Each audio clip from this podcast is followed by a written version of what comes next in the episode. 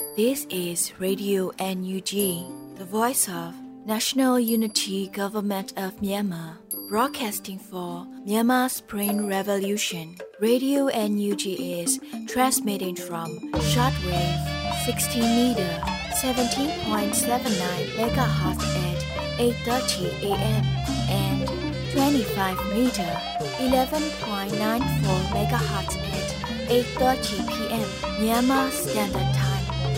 မင်္ဂလာပါရှင်။အမျိုးသားညီညွတ်ရေးအစိုးရရဲ့အတန်လွတ်ဌာန Radio NUG ကိုမန္တပိုင်း၈နိုင်ခွဲမှာလိုင်းတူ6မီတာ19.3ခွန်ကုန်းမဂါဟတ်စ်နဲ့ညပိုင်း၈နိုင်ခွဲမှာလိုင်းတူ25မီတာ17.3ကိုလီမဂါဟတ်စ်တို့မှာဓာတ်ရိုက်ဖမ်းယူနားဆင်နိုင်ပါပြီရှင်။မင်္ဂလာအပေါင်းနဲ့ပြည့်စုံကြပါစေ။အခုချိန်ကစပြီး Radio NUG စီစဉ်လေးကိုဓာတ်ရိုက်အတန်လွှင့်ပေးနေပါပြီ။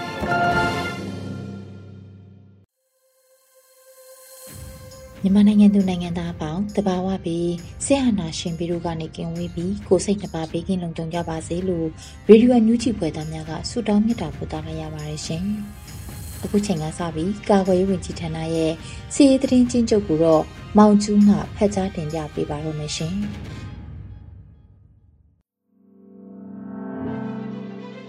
မျိုးသားညီညွတ်ရေးအစိုးရ ကာကွယ်ရေးဝန်ကြီးဌာနကထုတ်ပြန်တဲ့နိုင်စဉ်စီးသတင်းချင်းချုပ်ကိုတင်ပြပါတော့မယ်ခင်ဗျာစီးရမြရရန်သူတသားကိုတေဆုံပြီး19ဦးတန်ရာရရှိကြောင်းသိရှိရပါတယ်အာဏာသိမ်းကျန်းဖတ်စစ်တပ်နဲ့တပွဲဖြစ်ပွားမှုသတင်းများကိုပထမဦးစွာတင်ပြပါမယ်ခင်ဗျာချင်းပြည်နယ်မှာ2023ခုနှစ်ဇန်နဝါရီလ18ရက်နေ့နေ့လယ်3:30မိနစ်ခန့်က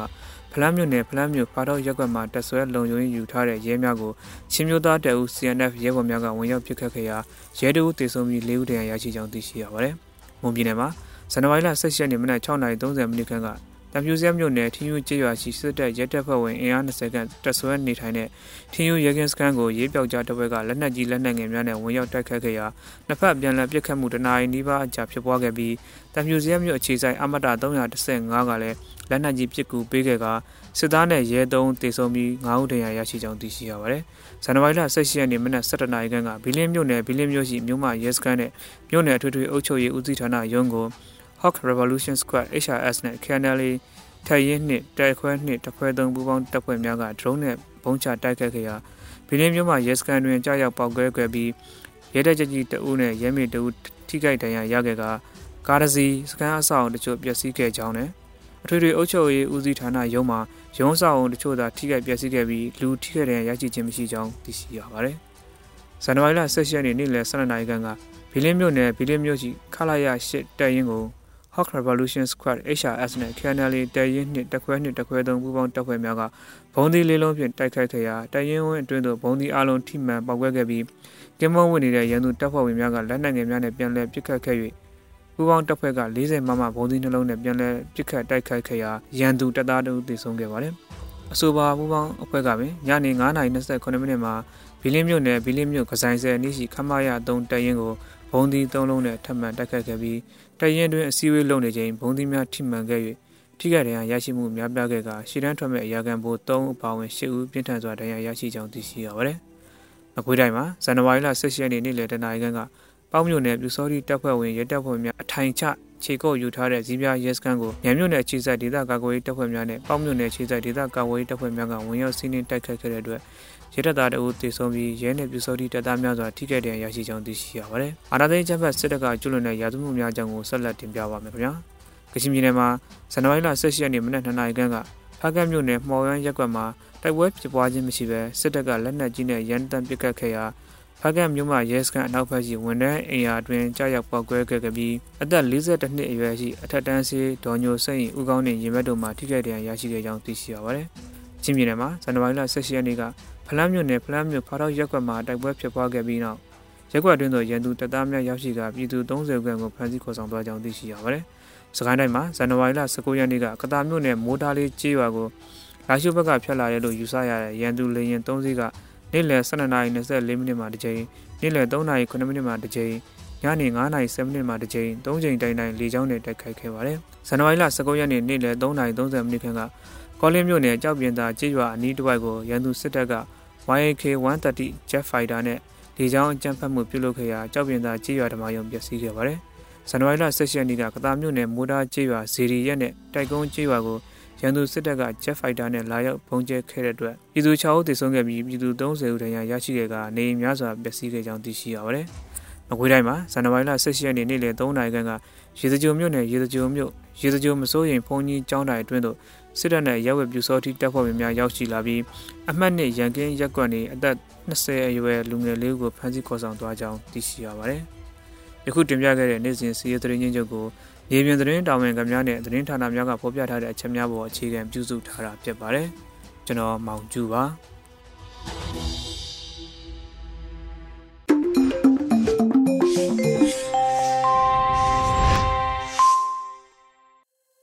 ရေဒီယိုညူချီမှာဆက်လက်တင်ပြနေပါတယ်။အခုဆက်လက်ပြီးနောက်ဆုံးရသတင်းများကိုလွတ်လပ်နေဦးကဖတ်ကြားတင်ပြပေးပါရမရှင်။ မင်္ဂလာပါတောတာရှင်များခင်ဗျာအခုချိန်ကစပြီး2023ခုနှစ်ဇန်နဝါရီလ20ရက်နေ့မနေ့ပိုင်းပြည်တွင်းသတင်းများကိုစတင်ဖတ်ကြားပါတော့မယ်ကျွန်တော်ကလွတ်လပ်နေဦးပါစစ်ကောင်စီသည်တော်လန်ရေးရဲ့အထောက်ပံ့ဖြစ်တဲ့ဝင်ငွေစည်းကြောင်းဖြတ်တောက်ရန်ဆောင်ရွက်နေမှုများကိုတတိထားကြရန်ပြည်တော်စုဝန်ကြီးချုပ်ကပြောကြားလိုက်တဲ့သတင်းနဲ့စတင်ပါမယ်။စစ်ကောင်စီဟာတော်လန်ရေးရဲ့အထောက်ပံ့ဖြစ်တဲ့ဝင်ငွေစည်းကြောင်းဖြတ်တောက်ရန်ဆောင်ရွက်နေမှုများကို တတိထားကြဖို့ပြည်တော်စုဝန်ကြီးချုပ်မန်းဝင်းခိုင်တန်းကပြောကြားလိုက်ပါတယ်။ဇန်နဝါရီလ19ရက်နေ့ဂျာကာလာဒေသန္တရပြည်သူ့အုပ်ချုပ်ရေးဖော်ဆောင်မှုဗဟိုကော်မတီစည်းဝေးမှာဝန်ကြီးချုပ်ကအခုလိုပြောဆိုခဲ့ပါတယ်။အရေးကြီးဆုံးသတိထားရမှာလုံခြုံရေးဖြစ်ကြောင်းမိမိတို့ရဲ့ကာကွယ်ရေးစစ်ရေးအုပ်ချုပ်ရေးဆိုင်ရာအချက်လက်များကိုလည်းယခုလိုမျိုးပေါက်ကြားမှုမရှိစေရေးအတွက်လုံခြုံရေးအသည့်လုံခြုံရေးတတိနဲ့ထုတ်ကြရန်တတိပေးပြောကြားလိုပါကြောင်းလုံခြုံရေးစီမံများကိုတက်ဆိုင်ရာဝန်ကြီးဌာနလိုက် ပြည်ထောင်စုဝန်ကြီးများဥဆောင်၍ဆောင်ရွက်ပေးကြစေလိုပါကြောင်းဒုတိယအချက်အနေနဲ့စစ်ကောင်စီသည်မိမိတို့တော်လှန်ရေးရဲ့အထောက်ပံ့ဖြစ်တဲ့ဝင်ငွေစည်းကြောင်းဖြတ်တောက်ရန်ဆောင်ရွက်နေမှုများကိုလည်းတတိထားကြရမည်ဖြစ်ကြောင်းဝန်ကြီးချုပ်ကဆိုပါတယ်။ဒါအပြင်ဒေတာတွင်ကာကွယ်ရေးနဲ့လုံခြုံရေးသည်အတိကအကြဆုံးဖြစ်ကြောင်းဒေတာတွင်ကာကွယ်ရေးနဲ့လုံခြုံရေးအားနည်းမည်ဆိုပါကတခြားကဏ္ဍတွေမှာမြည်တို့ပင်ကောင်းမွန်အောင်စီမံလှုပ်ဆောင်ကြသည်ဖြစ်စေစစ်မိတ်ဆာများရဲ့ရက်ဆက်ကြမ်းကြုတ်မှုများကြောင့် ဆောင်ရွက်ထားသည်များအားလုံးဆုံးရှုံးသွားနိုင်တယ်လို့ဝန်ကြီးချုပ်ကဆိုပါတယ်အစည်းအဝေးကိုဂျာကာလာဒေသန္တရပြည်သူ့အုပ်ချုပ်ရေးဖော်ဆောင်မှုဗဟိုကော်မတီဥက္ကဋ္ဌပြည်ထောင်စုဝန်ကြီးချုပ်မန်းဝင်းခိုင်တန်းဦးဆောင်ကပြည်ထောင်စုဝန်ကြီးများဒုဝန်ကြီးများအမြဲတမ်းအတွင်းဝန်များဌာနဆိုင်ရာများမှတာဝန်ရှိသူများတက်ရောက်ခဲ့ကြတယ်လို့သတင်းရရှိပါတယ်ခင်ဗျာ UNG အစိုးရရဲ့ Ali Partnership Program မှာ လူတဦးတည်းကအမေရိကန်ဒေါ်လာ6သန်းပမာဏအများပြားစွာယင်းနှိမ့်မြုပ်နှံခဲ့တယ်လို့ပြည်ထောင်စုဝန်ကြီးဦးတင်ထွန်းနိုင်ကပြောကြားလိုက်ပါတယ်။ဇန်နဝါရီလအတွင်းကျင်းပတဲ့သတင်းစာရှင်းလင်းပွဲမှာစီမံကိန်းဗန္ဒာရေးနဲ့ယင်းနှိမ့်မြုပ်နှံမှုဝန်ကြီးဌာနပြည်ထောင်စုဝန်ကြီးဦးတင်ထွန်းနိုင်ကဆိုပါတယ်။အခုဆိုလို့ရှိရင် Ali Partnership Program ဆိုလို့ရှိရင်လဲပြည်တွင်းပြည်ပယင်းနှိမ့်မြုပ်နှံသူတွေကပူးပေါင်းပါဝင်တာတွေရှိတယ်။နမူနာအနေနဲ့ပြောရမယ်ဆိုလို့ရှိရင် ရန်ကုန်မန္တလေးမှာ Ali Partnership Program နဲ့စလင်းပြီးတော့လူတဦးထဲကကိုပဲသူ့ရဲ့ယင်းနှိမ့်မြုပ်နှံမှုထဲကဒေါ်လာ6သန်းလောက်ရှိတယ်။ဒါကလူတဦးတည်းယင်းနှိမ့်မြုပ်နှံတာဖြစ်တယ်လို့ဝန်ကြီးကဆိုပါတယ်။ UNG ရဲ့ Ali Partnership Program တစ်ခုအဖြစ်ကဘာတိမိုးကုတ်ရတနာနယ်မြေမှာကြောက်မြက်တူးဖော်ခွင့်အပါဝင် အကြမ်းဖက်စစ်တပ်မောင်းပိုင်စည်းထားတဲ့ရန်ကုန်မြို့အချက်ချာမြေနေရာတွေမှာတိဆောက်ရောင်းချမယ်အနာဂတ်စီမံကိန်းများဖြစ် အရေးသွေးမီတန်ဖိုးသင့်တိုက်ခန်း affordable apartment တွေနဲ့အဆင့်မီကွန်ဒိုမီနီယံတွေလည်းမကြာမီရောင်းချပေးတော့မှာဖြစ်ပါတယ်ခင်ဗျာအန်ယူဂျီအစိုးရရဲ့စိုးမိုးထိန်ချုပ်နယ်မြေ38မြို့နယ်မှာအခွန်များကောက်ခံနေတယ်လို့စီမံကိန်းဗန္ဒာရေးနဲ့ရင်းနှီးမြှုပ်နှံမှုဝန်ကြီးဌာနဒုဝန်ကြီးဦးမင်းစေရဦးကပြောဆိုလိုက်ပါတယ်။ဇန်နဝါရီလအတွင်းကျင်းပတဲ့သတင်းစာရှင်းလင်းပွဲမှာစီမံဘဏ္ဍာဒုဝန်ကြီးဦးမင်းစေရဦးကဆိုပါတယ်။လုံပေါင်း အနေနဲ့ကျွန်တော်တို့ UNUG ရဲ့စိုးမိုးထိန်ချုပ်38မြို့နယ်မှာကျွန်တော်တို့အခွန်ကောက်ခံနေပါတယ်။ကောက်ခံတဲ့နေရာမှာလည်းဘယ်လိုကောက်ခံရမယ်ဆိုတာကိုလမ်းညွှန်ချက်တွေပေးတယ်။ထိန်းကျောင်းမှုတွေပေးတယ်လို့ဆိုပါတယ်။ UNUG အစိုးရရဲ့ထိန်းချုပ်နယ်မြေများမှာအခွန်ကောက်ခံရရှိမှု3ဘီလီယံကျော်ရှိခဲ့ပါတယ်။အခွန်ကောက်ခံခြင်းမူဝါဒအရပြည်ထောင်စုအဆင့်သို့30ရာခိုင်နှုန်းမြို့နယ်ပအဖအတွက်30ရာခိုင်နှုန်းမြို့နယ်ပကဖကို40ရာခိုင်နှုန်းခွဲဝေသုံးစွဲစီတယ်လို့သတင်းရရှိပါတယ်ခင်ဗျာ အကြမ်းဖက်စစ်ကောင်စီရဲ့လေကြောင်းတိုက်ခတ်မှုတွေပြုလုပ်နိုင်တဲ့နေရာက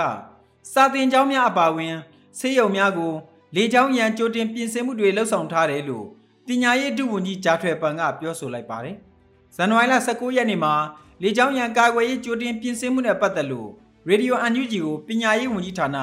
ဒုဝန်ကြီးဂျာထွယ်ပန်ကဖြေကြားခဲ့ပါတယ်။လေကြောင်းရန်ကာကွယ်ရေးပြင်ဆင်မှုလုပ်ထားတာပေါ့။ကျောင်းများဆေးရုံများ ပြည်သူအိမ်များအဆောက်အုံများအရေးပေါ်အခြေအနေအတွက်ကြိုတင်ပြင်ဆင်မှုတွေလှုပ်ထားကြပါတယ်လို့ဆိုပါတယ်။လေကြောင်းရန်ကာကွယ်ရေးအတွက်ဘုံခိုကြီးများအပြင်တိန့်ရှောင်ရန်နေရာများနဲ့လေကြောင်းတိုက်ခိုက်မှုများလာပါကဘေးကင်းရန်တိန့်ရှောင်ကြီးများကိုအန်ယူဂျီပညာရေးဝန်ကြီးဌာနနဲ့ဝန်ကြီးဌာနများပူးပေါင်း၍မြေပြင်တွေအသိပညာပေးလေ့ကျင့်မှုတို့ရှိခဲ့ပါတယ်ခင်ဗျာ Spring Yangon Investment 2နောက်ဆုံးအရင့်ငွေပေးချေရမယ့်ရက်အသိပေးကြေညာခဲ့ပါတယ် Spring Yangon Investment 2နောက်ဆုံးအရင့်ငွေပေးချေရမယ့်ရက်ကိုအသိပေးကြေညာလိုက်ပါတယ်ဇန်နဝါရီလအတွင်းမှာ EOD ကအသိပေးပြောဆိုလိုက်ပါတယ် Spring Investment ရဲ့တတိယ project ဖြစ်တဲ့ Spring Yangon Investment 2ကို2022ခုနှစ်အော်တိုဘာလ22ရက်နေ့မှာစတင်ရောင်းချပေးခဲ့ပါတယ်။အထက်ပါမြေကွက်များအတွက်အရစ်ကြစနစ်ဖြင့်ပေးချေမှုများကို2023ခုနှစ်ဇန်နဝါရီလ22ရက်တွင်ပြီးပြအောင်ပေးသွင်းရမယ်လို့ မူလကကြေညာခဲ့ပါတယ်။တော်လန်ဆက်ဖြစ်မြေကွက်ဝယ်ယူသူများအဆင်ပြေစေရန်ကြန့်ရှိနေသေးသောအရစ်ကြငွေပေးချေမှုများအတွက်မိမိတို့ရဲ့သက်ဆိုင်ရာကိုယ်စားလှယ်များကိုဆက်သွယ်ပြီး2023ခုနှစ်ဇန်နဝါရီလ22ရက်နေ့မြန်မာစံတော်ချိန်ည7:00နာရီမတိုင်မီအရစ်ကြအော်ဒါများတင်ပေးစေဖို့နဲ့2023ခုနှစ်ဖေဖော်ဝါရီလ28ရက်မတိုင်မီကိုယ်စားလှယ်များထံငွေပေးချေကြရန်မြစ်တာရက်ခံတိုက်တွန်းလိုက်ရပါတယ်လို့ဖော်ပြထားပါတယ်။ကြန့်ရှိနေတဲ့ Spring Yango Investment 2မှမြေကွက်များကိုလည်းအပိပြငွေပေးချေမိပုံစံဖြင့်ဝယ်ယူနိုင်တယ်လို့လည်းသတင်းရရှိပါတယ်ခင်ဗျာ။စစ်ကောင်စီရဲ့အတုအယောင်ရွေးကောက်ပွဲဖြစ်မြောက်စေရန်ပါဝင်ဆောင်ရွက်ခြင်းမပြုကြဖို့ဒဇယ်မြို့နယ်ပြည်သူ့အုပ်ချုပ်ရေးဖွဲ့တားမြစ်ချက်ထုတ်ပြန်လိုက်ပါတယ်။ဇန်နဝါရီလ19ရက်နေ့မှာဒဇယ်ပအဖကဒေသန္တရမိတ်တင်မြင့်ဆောင်2023ကိုထုတ်ပြန်ခဲ့တာဖြစ်ပါတယ်။2023ခုနှစ်ဇန်နဝါရီလ9ရက်နေ့မှ 31ရက်နေ့အထိအကြံဖက်အာဏာသိမ်းစစ်ကောင်စီက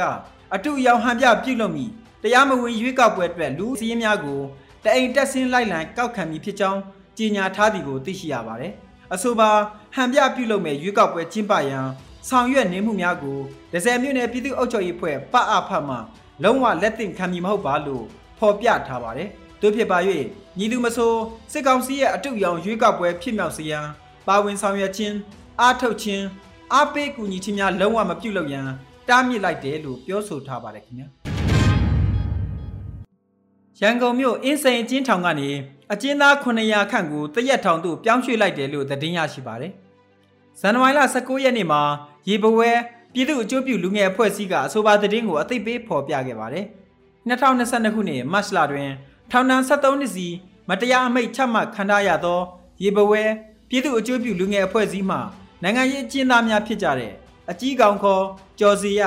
မန်ကီခေါ်မင်းခန့်ကျော်အိုဂျီခေါ်ပိုင်ထုခန့်တို့၃ဦးသည်ယခုနှစ်ဇန်နဝါရီလ14ရက်နေ့မတိုင်မီအစောပိုင်းရက်များတွင်အင်းစိန်ထောင်မှတရက်ထောင်သို့ပြောင်းရွှေ့ခံခဲ့ရပါတယ်လို့ဆိုပါတယ်။ထောင်ပြောင်းရွှေ့ခံရသူများမှာသက်ဆိုင်ရာအုပ်ထိန်းသူမိသားစုဝင်များတို့ကြိုတင်အကြောင်းကြားခြင်းလုံးဝမရှိခဲ့တဲ့အပြင်ဇန်နဝါရီလ14ရက်နေ့ထောင်ဝင်စာပို့သည့်အခါတွင် ထောင်ဝန်ထမ်းများမှမရှိဘူးမသိဘူး ပို့မရဘူးလို့ဖြေကြားခဲ့သည့်အတွက်လိုက်လံစုံစမ်းရာအကျဉ်းသား900ခန့်ကိုအင်းစိန်ထောင်မှရွှေ့ပြောင်းလိုက်ကြောင်းသိရတယ်လို့ဆိုပါတယ်ခင်ဗျာ။စစ်ကောင်စီတပ်သားတအုပ်မှလက်နက်ယူလာက KNDF B ထန်းထန်အလင်းဝင်ခိုလုံ၍ဂုံပြငွေ330ကျပြန်လည်ချိမြစ်ခဲ့တယ်လို့သိရပါတယ်။ဒီသတင်းကိုဇန်နဝါရီလ19ရက်နေ့မှာ KNDF B ထန်းကအသိပေးပြောဆိုထားပါတယ်။ ဇန်နဝါရီလ18ရက်နေ့မနေ့အစောပိုင်းတွင်စစ်ကောင်စီတပ်မ66လက်အောက်ခံတပ်သားမောင်စိုးဝင်း23နှစ်သည် KNDF B ထန်းထန်သို့လက်နက်နဲ့တကွစီရီယံပြုတ်လုလာခဲ့တယ်လို့သတင်းကဆိုပါတယ်။အဆိုပါစစ်ကောင်စီတပ်သားမှာဒီမော့ဆိုမြို့နယ်အခြေစိုက်ခတ်မရ100နှစ်တပ်ရင်းတွင်6လကြာတာဝန်ထမ်းဆောင်နေရသူဖြစ်ပြီးတပ်တွင်းဖိနှိပ်မှုများနဲ့အတူမိဘဆွေမျိုးများကိုပင်ဆက်သွယ်ခွင့်မပေးဘဲတည်င်းအမှောင်ချထားခြင်းများကြောင့်ထွက်ပြေးကာခိုးလုံလာတယ်လို့သိရပါတယ်။၎ င်းနဲ့အတူ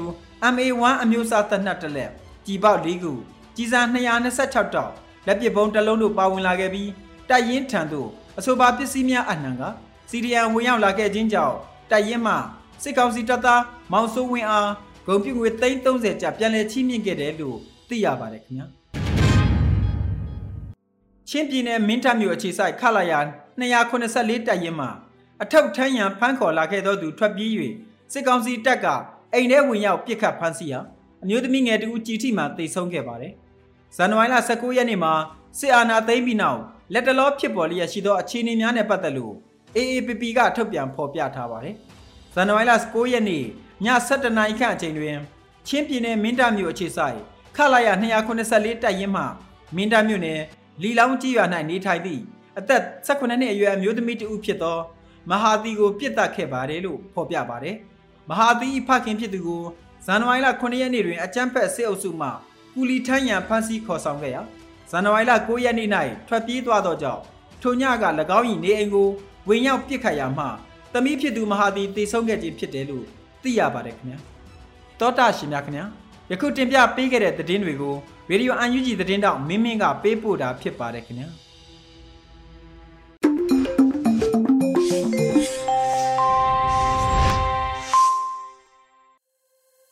အခုဆက်လက်ပြီး Radio NUG အင်တာဗျူးကဏ္ဍအစီအစဉ်မှာတော့စစ်မြန်မာ USA မှာဥနေတင်မြင့်နဲ့မျက်မှောက်ရေးအင်တာဗျူးကိုနှွေဦးမိုင်ရဲ့မေးမြန်းတင်ဆက်မှုနဲ့နားဆင်ကြရတော့မှာဖြစ်ပါတယ်ရှင်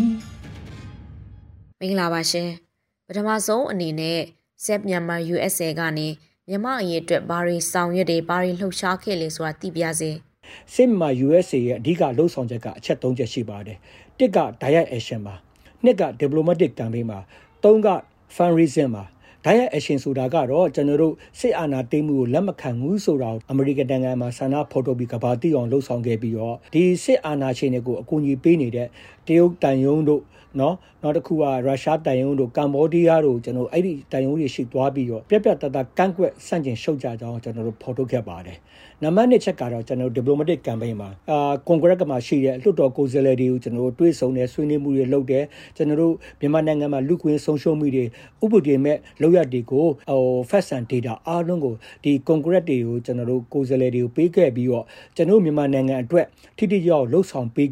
ပေးဖို့ကျွန်တော်တို့တိုက်တွန်းနှိုးဆော်ခဲ့ပါတယ်အဲ့လိုတိုက်တွန်းနှိုးဆော်ချက်ကြောင့်ပဲနောက်ဆုံးမှာဒီ2023 NDA ဆိုတာပေါ်ထွက်လာခြင်းဖြစ်ပါတယ် NNDA နဲ့ပတ်သက်လို့အခုကဘေးအဆင့်ရောက်နေပါပြီလဲအကျိုးသက်ရောက်မှုကရောဘာတွေများပါလဲ NDA ဆိုတာကတော့အခုက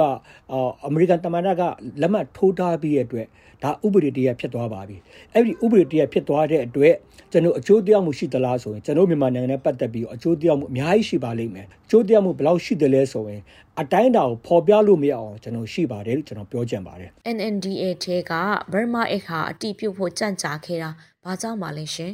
NDA တဲကဒီဘာမအက်ကအတီးပြုဖို့ဟိုဘာလို့ကြံ့ကြာနေတယ်လဲဆိုရင်တော့ဒီစစ်မြန်မာ USA ကကျွန်တော်တို့ဒီစာမျက်နှာ90ကျော်ကိုပေါ့ တေချာလေ့လာတဲ့အခါမှာအများကြီးအချက်ကချုံချက်အားနည်းချက်တွေမပြည့်စုံတာတွေတွေ့ခဲ့တယ်အဲအဲ့လိုဘာကြောင့်မပြည့်စုံတာလဲဆိုတော့ဘာမှအဲ့လိုခေါင်းစဉ်တက်ပြီးတော့မြန်မာနိုင်ငံအကျိုးတက်ပြည်သူအကျိုးတက်မပါတဲ့ဥစ္စာတွေအများကြီးတွေ့ရတယ်အော်ကျွန်တော်ပြောချင်တာ up to date မဖြစ်ဘူးပေါ့လေအဲ့အတွက်ဘာမှအကပင်စစရာကြီးချိုးရင်းချက်တွေအားနဲ့ချက်တွေရှိတယ်ဆိုပြီးကျွန်တော်တို့ကတစ်ကတော့ကျွန်တော်တို့ကပေါ့လေ military government လို့ကျွန်တော်ကလက်မခံနိုင်ဘူးဘာကြောင့်စစ်အာဏာသိမ်းအဖွဲ့ဖြစ်တယ်စစ်အုပ်စုသားဖြစ်တယ်သူတို့က သူကအစိုးရတရားမဟုတ်ကျွန်တော်အစိုးရဗမာလဲဆိုရင်အခုလူဦးတော်လိုင်းကြီးကပေါက်ဖွာလာတဲ့အာအမျိုးသားညီညွတ်အစိုးရကျွန်တော်တို့ရဲ့အာပြည်သူရဲ့အစိုးရဖြစ်တယ်နော်ဒါကိုကျွန်တော်ကအတိမတ်ပြုပြီးကျွန်တော်ပြောပြောမယ်နံပါတ်1ချက်ကတော့အာကျွန်တော်တို့ຫນွေဦးတော်လိုင်းကိုအတိမတ်ပြုပေးရမယ်ຫນွေဦးတော်လိုင်းကိုအတိမတ်ပြုပေးမှကျွန်တော်တို့အခုနလှုပ်ရှားနေတဲ့ကျွန်တော်တို့ CDN တမတွေအာ PDF တွေ CRPS တွေ UNG တွေ ERO တွေအားလုံးကျွန်တော်အကျုံးဝင်ပါလိမ့်မယ်အဲ နော်အဲ့ဒီအချက်တွေကျွန်တော်တို့ကတင်ပြပေးဖို့ကျွန်တော်အမှန်မှန်ကိုကျွန်တော်လှုပ်ဆောင်ခဲ့တယ်ဒီဘောအမှန်မှန်ပြင်ဆင်ဖို့အားလုံးသဘောတူညီခြင်းနဲ့ကျွန်တော်တို့အမှန်မှန်ပြင်ဆင်ရေးအဖွဲ့ဖွဲ့ပြီးတော့အဲ့ဒီမှာအသိပညာရှင်အတတ်ပညာရှင်တွေပါပြီးတော့ကျွန်တော်အမှန်မှန်ကိုအသေးစိတ်ကျွန်တော်တို့ပြုပြင်ခဲ့တယ်အာကျွန်တော်ဆောင်ရွက်ခဲ့တယ်အဲ့လိုဆောင်ရွက်ခဲ့တဲ့နောက်ဆုံးရလဒ်ကတော့အခု2023 NDAA ပေါ်မှာအာစာမျက်နှာ25မိနစ်5မျက်နှာပါတဲ့အဲမှာပေါ့ဒီ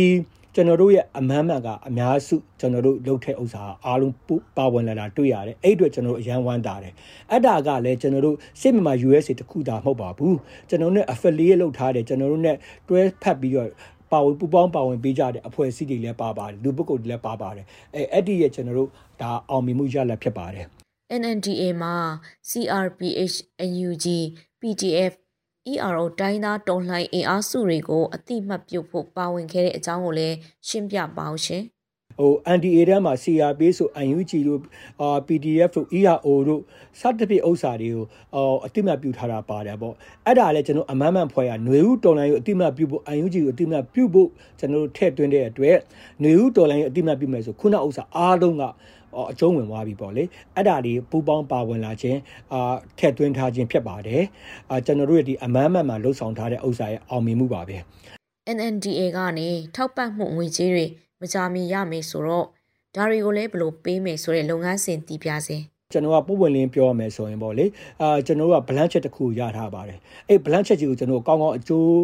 ရှိရှိအသုံးချနိုင်မယ်စနစ်တကျအသုံးချနိုင်မယ်ဆိုရင်ကျွန်တော် blank check ကြီးကငွေပေါင်းတန်ပေါင်းများစွာရနိုင်တဲ့အဲတော့ကျွန်တော်ပြည်သူတွေကိုနော်တော်လိုင်းအင်အားစုတွေကိုအကျိုးပြုနိုင်မယ့်ဥစ္စာတွေအများကြီးပါပါတယ်အဓိကအဖြစ်တော့ non lethal ဆိုတာကတော့ကြီးစံတဲ့လက်နက်ကလွဲလို့ကျန်တဲ့ဥစ္စာအားလုံးပေးနိုင်ပါတယ်ကြီးကအင်ဂျီကအစအာမှန်ပြောင်းကအစနော်နီးပညာပိုင်းဆိုင်ရာနော်ဆက်သွယ်ရေးပိုင်းဆိုင်ရာနော်အားလုံးကိုကျွန်တော်တို့ပေါ့ဒီဟိုဒီအခု NDA ထဲမှာပါတဲ့အတွက်ပေါ့အားလုံးကိုဒါအကျိုးတရားမှုရှိပြီးပေးနိုင်ပါတယ်အဲ့အတွက်ကျွန်တော်တို့ကပေါ့ UNG ကဦးစီးပြီးတော့တိုင်းသားအော်ခေါင်းဆောင်တွေနဲ့ညှိနှိုင်းပြီးတော့တစုတစည်းတည်းကျွန်တော်တို့တင်ပြနိုင်မယ်ဆိုရင်ကျွန်တော်ထိတိရောက်အောင်လည်းကျွန်တော်အမြန်ဆုံးရရှိလိမ့်မယ်လို့ကျွန်တော်ယုံကြည်ပါတယ်နော်နောက်တစ်ခုကလည်းပေါ့ဟော sanction တွေလည်းပါတယ်တက်ကတဲ့ sanction တို့နော် economic sanction တို့တို့အတွက်လည်းသူတို့ကအာခုနပေါ့ရေးဆွဲထားတာတွေတွေ့ရပါတယ်ဒါအပြင်ပေါ့လေဒီ ဒီစစ်တပ်ပိုင်းဥပဒေမဲ့ချိုးပေါက်တဲ့စစ်တပ်ပိုင်းဆိုင်ရာရဲ့ထိပ်ပိုင်းဆိုင်ရာဒီခေါင်းဆောင်တွေကိုအရေးယူမှုတာမကဘူးသူတို့ရဲ့လူလားမြောက်တဲ့เนาะတာသမီတွေလည်းအာဒီ sanction လုပ်ဖို့အတွက်လည်းပါပါတယ်ဒါအပြင်ပေါ့ကျွန်တော်တို့ရဲ့ဒီစစ်ကြမ်းမဲ့အုပ်စုကိုထောက်ပံ့နေတဲ့ပေါ့လေကိုညီနေတဲ့ရုရှားတို့တရုတ်တို့ကိုလည်းဒီမင်းတို့အာဒီအကြမ်းမဲ့အစစ်အကြမ်းမဲ့အုပ်စုကိုထောက်ပံ့နေတဲ့ဥစ္စာတွေကမင်းတို့ တာဝန်ယူတာဝန်ခံမှုရှိရပြီးတော့ဖြည့်ရှင်းရလိမ့်မယ်ဆိုတဲ့ဥစ္စာကိုလည်းအတိအလင်းဖော်ပြထားတဲ့အတွက်ဒီရုရှားနဲ့တရုတ်ရဲ့ပူ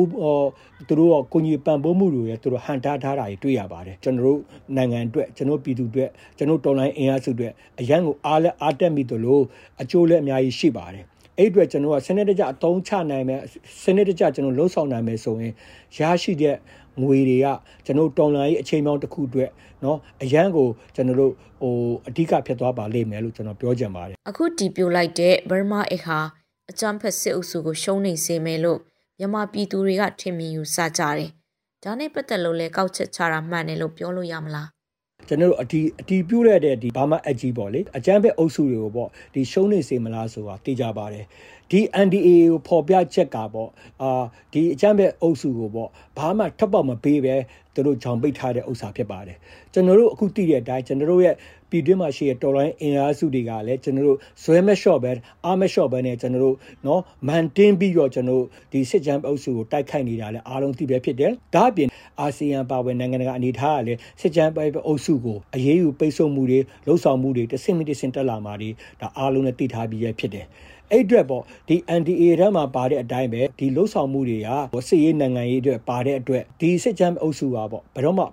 ထွက်ပေါက်မရှိတော့ဘူးဖြစ်နေတယ်။နောက်ဆုံးသူထွက်ပေါက်ဖြစ်တဲ့ရွေးကောက်ပွဲကိုသူတို့စူးစမ်းမယ်။ဟိုနိုင်ငံတကာကိုလှည့်စားပြီးတော့အာဒီအတူအောင်ရွေးကောက်ပွဲကြီးကိုလှုပ်ဆောင်မယ်ပေါ့။ဒါကိုလည်းကျွန်တော်ပြည်သူပြည်သားတွေအားလုံးကတယောက်မှလက်မခံကြသလိုเนาะအမေရိကန်အစိုးရကိုယ်တိုင်ကလည်းဒီအတူအောင်ရွေးကောက်ပွဲကိုလက်မခံပါဘူးလို့ပြက်ပြက်တသားကန့်ကွက်ဆန့်ကျင်ရှုံချထားတဲ့ဥစ္စာတွေ့ရတယ်။အဲ့အတွက်သူတို့မှပြေးပေါက်မရှိတော့ဘူး။ဖြစ်ဆက်ပြောချင်တာများရှင်လဲပြောပြပေးပါအောင်ရှင်။ ဒီ NDA မှာရတဲ့ပတ်စံတွေကကျွန်တော်တို့ဒီ2023ရဲ့အပြောင်းအလဲရေးအတွက်အရန်ကိုအကျိုးတရားမှုရှိပြီးတော့ဒီစစ်အာဏာရှင်တဲ့မြို့မြို့တကြိုပြဖို့အတွက်ဒီနှစ်က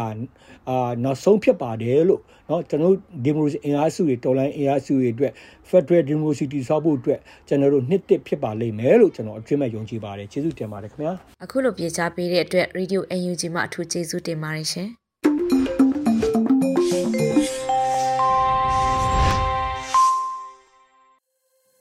ရေဒီယိုညူချီပရိသတ်တွေအတွက်ကူးဆက်လက်ပြီးထုတ်လွှင့်ပေးမယ့်စီစဉ်ကတော့ PPTV ရဲ့နေ့စဉ်သတင်းများဖြစ်ပါတယ်။ရိမ့်မှဖတ်ကြားတင်ပြပေးပါမယ်ရှင်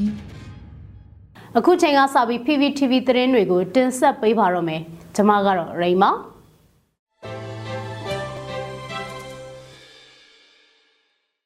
ထမဆုံးတင်ဆက်မှာကတော့ရွှေဘိုဘက်မှာအကြမ်းဖက်စစ်တပ်ဘက်ကနေမိုင်းထောင်ထားခဲ့တာကိုပြည်သူ့ကာကွယ်ရေးတပ်ဖက်ကရှင်းလင်းပေးတဲ့တပ်ပုံတွေကာကွယ်ရေးဝန်ကြီးဌာနကထုတ်ပြန်လိုက်တဲ့သတင်းမှာစကိုင်းတိုင်းရွှေဘိုခရိုင်ရေဦးမြို့နယ်အတွင်းကိုစစ်ကြောင်းထိုးဝင်ရောက်ခဲ့တဲ့အာနာသိန်းအကြမ်းဖက်စစ်တပ်ကနေမိုင်းတွေထောင်ထားခဲ့တယ်လို့အမျိုးသားညွရေးအစိုးရကာကွယ်ရေးဝန်ကြီးဌာနက ဓာတ်ပုံတွေနဲ့တကွသတင်းထုတ်ပြန်ခဲ့ပါတယ်။ပြီးခဲ့တဲ့ဇန်နဝါရီလ16ရက်နဲ့18ရက်နေ့မှာလည်းရေဦးမြို့နယ်ချမ်းသာကျေးရွာကနှစ်ပေါင်း129နှစ်သက်တမ်းကြာမေတော်သခင်မဖရာကျောင်းအပါအဝင်ပြည်သူပိုင်နေအိမ်တွေကို၄ချိန်မြောက်မိရှုဖျက်ဆီးခဲ့တယ်လို့သိရပါတယ်။အာနာသိန်းအကြံပတ်စစ်တပ်ကဒေါ်လာရင်းအင်အားစုတွေကိုထိန်းချုပ်ဖို့ဖြက်လေးဖြက်စနစ်ကိုဆက်လက်ကျင့်သုံးနေပြီးအကြံပတ်စစ်တပ်စစ်ကြောင်းထုံးဝင်ရောက်ရာဒေသတွေမှာ ဘာသာရေးအဆောက်အဦတွေအပါအဝင်ပြည်သူပိုင်နေအိမ်တွေကိုမီးရှို့ဖျက်ဆီးတာလူသက်မရိန်ကျင်တာပြည်သူပိုင်ပစ္စည်းတွေကိုခိုးယူတာဒရိษံတွေကိုခိုးယူစားတောက်တာတွေကိုပြုလုပ်နေတဲ့သခိုးဓမြတာတာအဖွဲ့အစည်းဖြစ်တယ်လို့ထုတ်ပြန်ချက်မှာဖော်ပြထားတာတွေ့ရပါတယ်။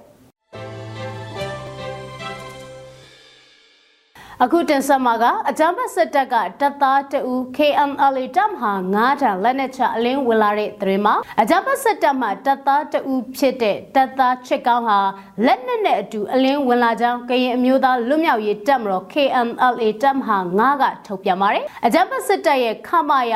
434မှတပ်သားချစ်ကောင်းဟာ ဇန်နဝါရီ၁ရက်က MA1 တလက်ကြီးပေါက်နှစ်ခုကြီးစံတွေနဲ့အတူလက်နက်ချအလင်းဝင်လာတာဖြစ်တယ်လို့ဒီကနေ့မှထုတ်ပြန်ခဲ့တာပါ။ အကြမ်းဖက်စစ်ကောင်စီကောင်းဆောင်တွေရဲ့တပ်ဖွဲ့ဝင်တွေအားလုံးဟာပြည်သူလူထုရဲ့အခွင့်အရေးတွေကိုစန့်ကျင်ချိုးဖောက်တာတွေကြောင့်အခုလိုအလင်းဝင်လာတာဖြစ်ကြောင်းတပ်သားချစ်ကောင်းကပြောဆိုခဲ့တယ်လို့ဖော်ပြထားပါတယ်။ဒါပြင်အကြမ်းဖက်စစ်ကောင်စီတပ်ကောင်းဆောင်တွေဟာအောက်ခြေတပ်သားတွေကိုဆဲဆိုတာအနိုင်ကျင့်တာအပြင်းထွက်ခွင့်မပေးတာအစားအစာဝဝလင်းလင်းမကြွေးတာစတာတွေလည်းကြုံခဲ့ရတယ်လို့တပ်သားချစ်ကောင်းကပြောကြားခဲ့တယ်လို့ဆိုပါတယ်။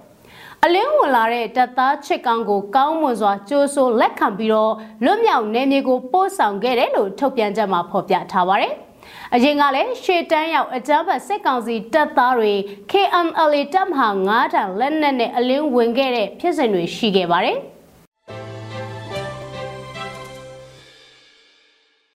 ဆက်လက်တင်ဆက်မှာကအရေးချင်းမရှိပဲဘာကြောင့်သမရဖြစ်ချင်နေသလဲလို့အကြမ်းဖက်ကောင်းဆောင်မင်းအောင်လှိုင်ကိုအင်ဒိုနီးရှားပြောလိုက်တဲ့သတင်းမှာ